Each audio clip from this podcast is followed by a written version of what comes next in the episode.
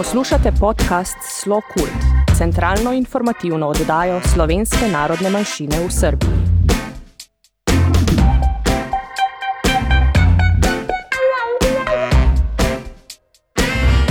Dragi slušalci, dobrodošli u još jednu emisiju Slo Kult podcasta – informativnu emisiju namenjenu članovima slovenačke zajednice u Srbiji, slovencima po svetu i u Matici, kao i svim zainteresovanim za slovenačku kulturu i savremeno stvaralaštvo slovenačke zajednice u Srbiji.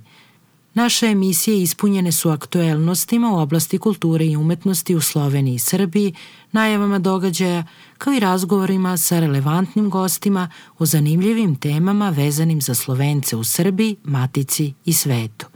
U ovoj emisiji predstavit ćemo odabrane sadržaje koji su obeležili oktobar 2023. godine u Sloveniji, zatim informacije iz Srbije vezane za slovenačku kulturu, dok ćete u trećem delu emisije čuti zanimljivosti vezane za rubriku Upoznajmo znamenite Slovence. Vesti iz Slovenije –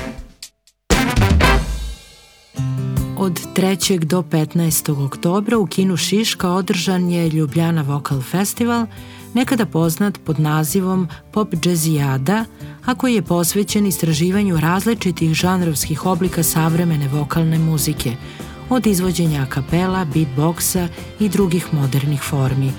Festival su pratile radionice i edukativni sadržaji, kao i prvo takmičenje u beatboxu – na kojem su učestvovali domaći inostrani takmičari, a kojim je obeležena desetogodišnjica od osnivanja organizacije Beatbox Slovenija.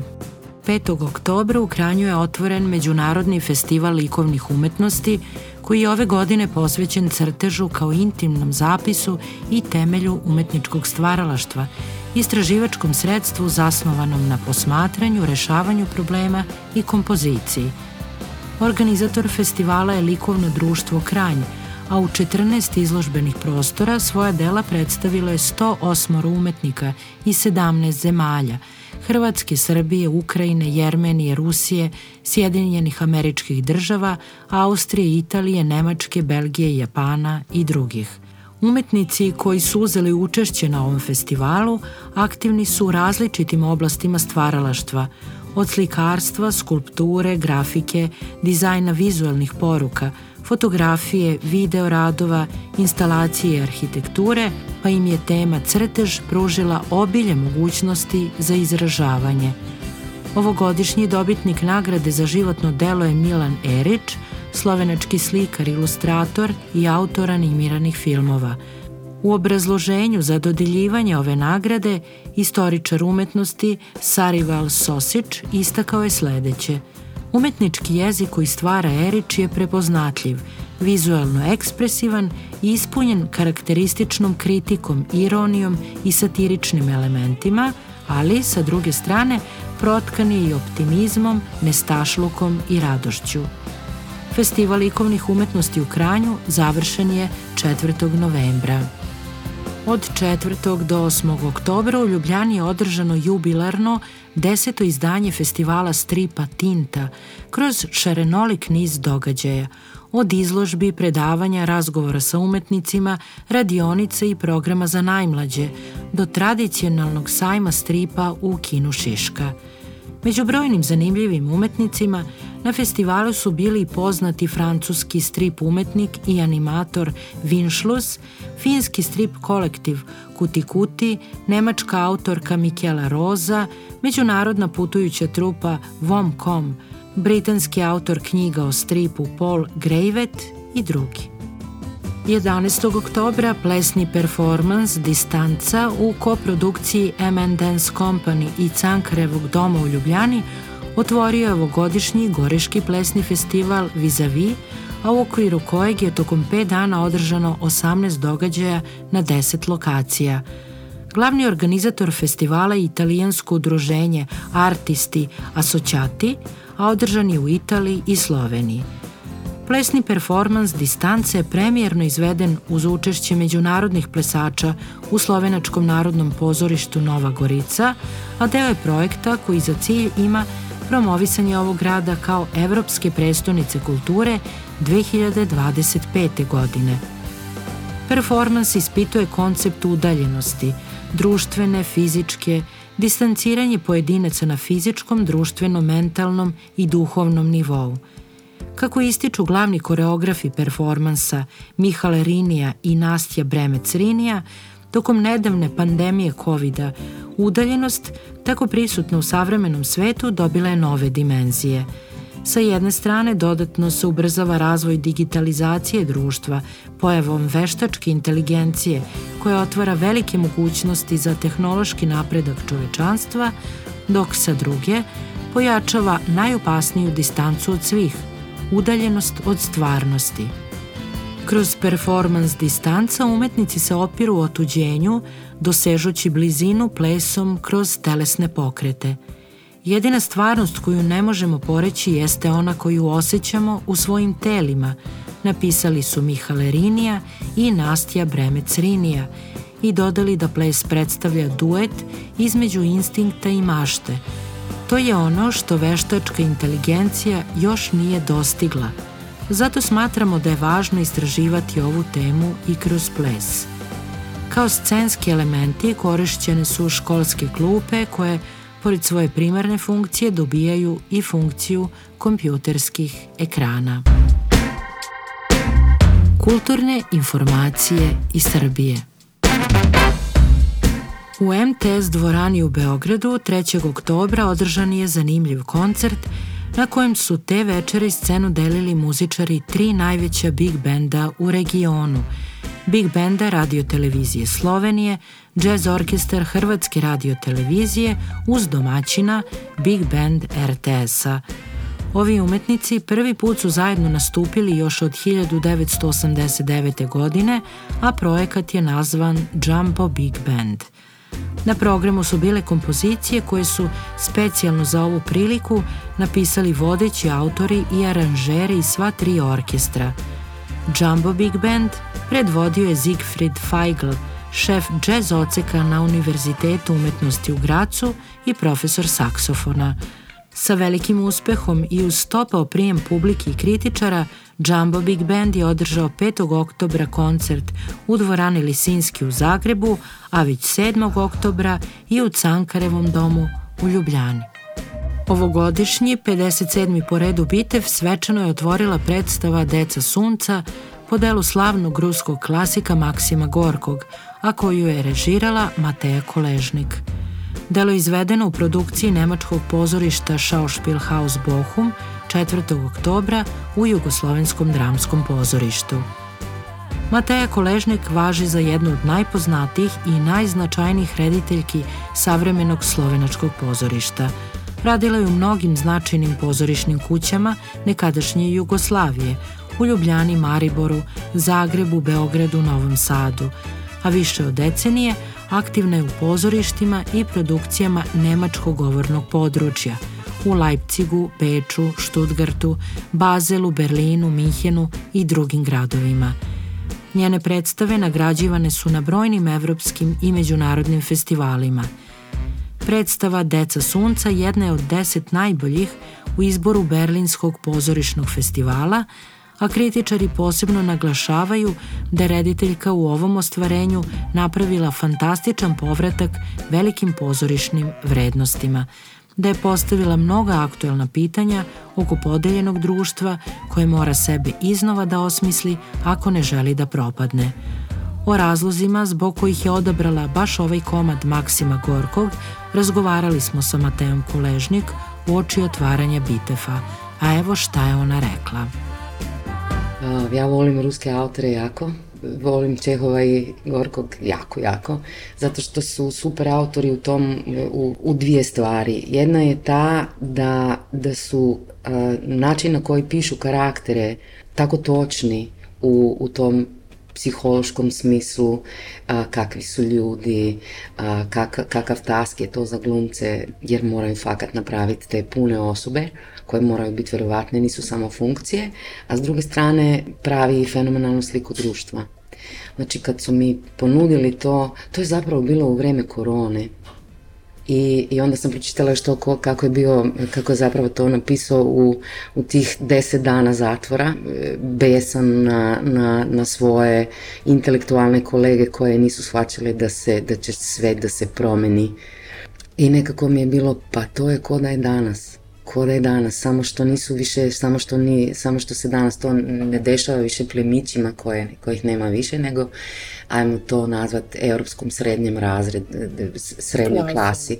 Niko, niko od nas nema pojma kako će se svet promeniti kako sve ove, e, e, što, to što mi mislimo da su našeg prava su zapravo naši privilegiji koje ni, nismo više spremni e, niti boriti se za njih, niti e, čuvati ih, nego mislimo da nam je to Bogom dano, ne izboreno. I tako ćemo to sve izgubiti, ja mislim. Zato mi je taj tekst bio super. I privukao da, se da. Da, prvo to, a drugo je, e, drugo je druga stvar koja je, koja je zanimljiva u tom ansamblu je to da su, da je, da je um, u njemu puno nizozemaca. Mm -hmm. A to kad se počnu, kad, kad se počnu uh, narodi kad se počnemo miješati jel, u tom, e, u načinu e, um, ispoljavanja emocija, to je uvek jako zanimljivo, tako da je bio e, strašno lijep, strašno lijep, lijepa perioda tog um, postavljanja tog komada. Evropski festival poezije u Beogradu Trgni se poezija otvoren je u Narodnoj biblioteci 5. oktobra pod sloganom Reimaginacije po pesmi Kolje Milićevića, srpskog prevodioca, eseiste, publiciste i pesnika, a kome je priređen i omaž. Posebno je istaknuto da interpretacija pesništva često zavisi od znanja i inspiracije prevodioca i da se njihov značaj ne sme više zanemarivati. U toku festivala, koji je održan 17. put, a trajao je do 7. oktobra, učestvovali su brojni autori, prevodioci i umetnici iz Evrope i regiona, a promociju svoje poezije imao je i Rok Vilčnik, poznati slovenački pesnik i svestrani umetnik. Vilčnik se oprobao u velikom broju žanrova, od vizualnih umetnosti, pisanja poezije, romana, novela, scenarije za pozorište i televiziju, a poznat je i kao frontman benda Simpatiko – Katarina Đorđević-Urošević razgovarala je sa ovim slovenačkim umetnikom povodom njegove promocije u Beogradu koja je održana u knjižari Treće drvo u Čumićevom Sokačetu. Sada sledi fragment ovog intervjua. To su pesmi o no, nostalgične pesmi, recimo ko je bil v Mariboru tramvaj, je nostalgična pesem o nekih časih, ki jih ni več um, in uh, opisuje, ko se morajo nekatere stvari v življenju poklopiti, da se srečamo. In ko se srečamo, uh, smo nekako odgovorni za prihodnost, je, od katere so odvisne tudi naši potomci in uh, od naše okolje. Um, tako da, če se nekatere stvari ne zgodijo, ki se nam, ki, če se nekatere stvari v naših življenjih ne zgodijo, je, uh, recimo, sploh ne pomislimo na njih, ne, da da so toliko pomembne, recimo, da asfaltirajo cesto do nekoga. In nihče se ne bi peljal po tej cesti, pa ne bi srečal nekoga, če ne bi asfaltirali te ceste. Ne, tem, ne. Ja. Tako da ni samo tisto, da na ključja na tak način, da se mi zagledamo iz oči oči in se zaljubimo, ampak nas, v nas se mora tudi eh, življenje, svet zaljubiti, da se potem mi lahko tudi koga drugega. Društvo Slovenaca Triglav i Subotice organizovalo je 14. oktobra 18. po redu susret dečijeg stvaralaštva pod nazivom Mavrica na prelepoj Argelike Lebija nadomak Subotice. Na ovogodišnjem susretu kratkim, zanimljivim dramskim, muzičkim i recitatorskim tačkama nastupila su deca iz Slovenije i Skočevja i deca iz brojnih društava Slovenaca u Srbiji – Domaćini su organizovali celodnevni boravak dece na Ergeli uz njen obilazak kočijama kao i uz jahanje konja. Svi učesnici dobili su plakete za učestvovanje na ovom događaju. 26. oktobra u galeriji Štab u Beogradu otvorena je izložba You So Serious, koja predstavlja nastavak saradnje sa galerijom Y iz Ljubljane, a na kojoj su predstavljeni radovi četvoro slovenačkih umetnika srednje generacije – koji inače galerije Y i zastupa. To su Tina Dobrajc, Mito Gegić, Arjen Pregl i Sašo Vrabić. Kustostkinje izložbe bile su Ana Kršljanin iz galerije Štab i Maša Žekš iz galerije Y. Na otvaranju izložbe prisustvovala je i konzulka Slovenačke ambasade u Beogradu, gospođa Kristina Kliner, koja je u svom svečanom govoru posebno istakla važnost saradnji u regionu. Sada ćete čuti fragmente razgovora sa Tinom Dobrajc, Mitom Gegićem i Arijanom Preglom, koje je zabeležila Katarina Đorđević-Urošević. Inače, izložba je bila otvorena do 14. novembra. Sem Tina Dobrajc, eh, živim v Škofi Loki. Eh, na področju slikarstva ustvarjam zdaj že kar nekaj 15 let. V Srbiji se predstavljam drugič. Trenutno se na tej razstavi predstavljam slikami zelo večjih formatov, predvsem na njih vidimo krajine, to so predvsem gozdovi, mogoče je to tudi v povezavi z čist mojim lokalnim okoljem, iz kje sem, ker nekako me ta pokrajina v bistvu zaznamuje in potem v bistvu figure nekako poseljujejo to strašno praznino tega gozda. In to je tako neka osnova tega no, slike. Moje ime je Mito Gigič, živim v Škofiloki, delam tudi v Škofiloki. Tu v Srbiji, pardon, v Beogradu se predstavljam z večjimi formati, predvsem dvema večjima slikama, na katerih lahko vidite, predvsem bi rekel, koncept meje. Za ta meja se na dveh slikah izraža kot meja med smrtjo ali pa meja med očetom in sinom, torej družinska meja ali pa državna meja, ali meja med kulturo ali pa nekulturo, meja med nasiljem ali pa nenasiljem. Moje ime je Arjan Pregel, predstavljam se serijo slik podobe, ki prihajajo.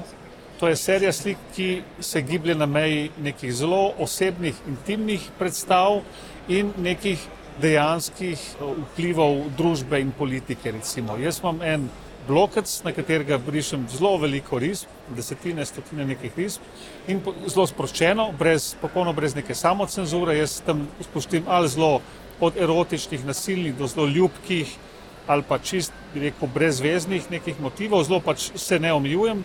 V drugem koraku potem izbiram podobe, ki bi jih lahko nadgradil v slike tam se mi vedno more še nekaj dodatno zgoditi. Pri neki eh, podobi, ki se mi zdi tukaj ključna, je rojstvo slikarstva, kjer mali blond, nagi Hitler slika v raju. In tukaj se mi zdi ključno, je bil ta premak, premik barve, se je zgodil. Ne? Da je Hitler je postal temnopolt, postal je blond in predstavlja neko usporedno zgodovino, kaj bi bilo, recimo, če bi on se odločil, da bo slikal ne, kaj bi se zgodilo z zgodovino, kaj bi se zgodilo s slikarstvom. Recimo. In to je neka taka, um, rekel, kaj sem, fake news dejansko, ne, ki je pa moj ključen za slikarstvo, da odpira neke svetove, ki ni nujno, da dejansko obstajajo, veliko pa povejo o svetu, ki nas obdaja. V soboto 28. oktober Društvo Slovenaca Sava iz Beograda organizovalo izlet na Frušku goru za svoje članove, koji su tom prilikom obišli manastire Jazak i Ravanica, muzej pčelarstva i vina u Sremskim Karlovcima, kao i Vrdničku kulu. Za organizaciju prelepog izleta pobrinuo se Mirko Detiček, vodič i član društva Sava. Dragi slušalci, budite slobodni da sve zanimljive i važne informacije koje su vezane za kulturne i druge događaje slovenačke zajednice u Srbiji, kao i u Sloveniji, podelite sa nama. Vaše predloge možete poslati na našu e-mail adresu redakcija.slokult.info. Upoznajmo znamenite Slovence.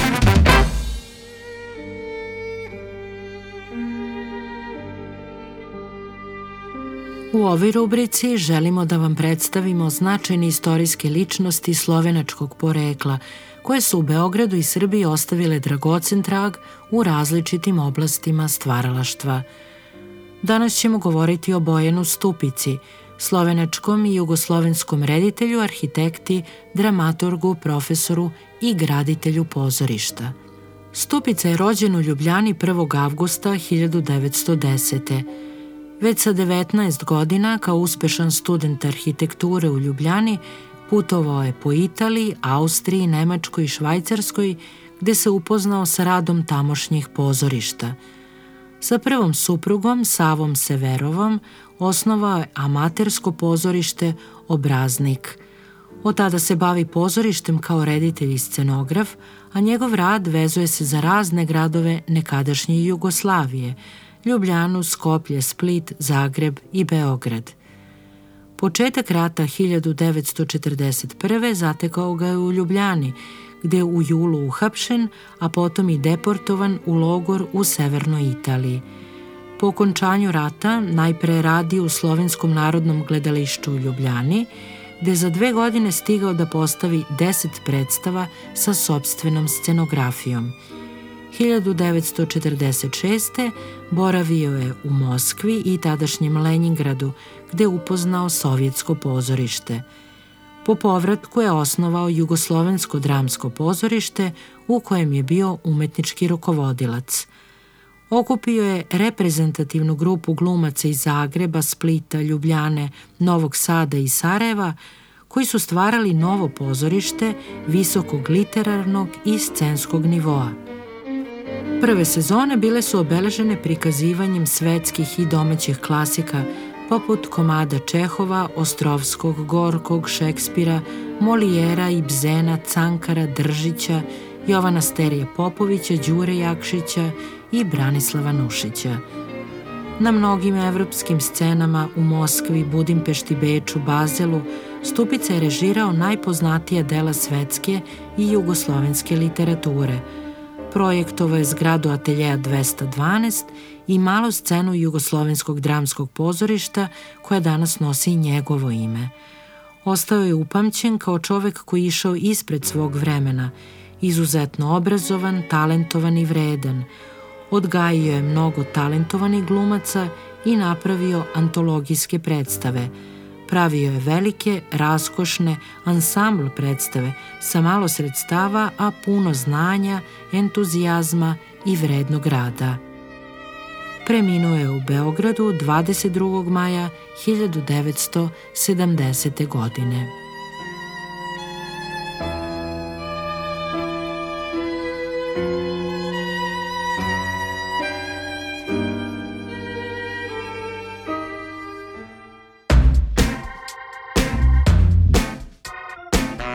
Dragi slušalci, to bi bilo sve što smo vam pripremili za danas – Naš podcast možete pratiti na svim relevantnim platformama kao i na sajtu slokult.info.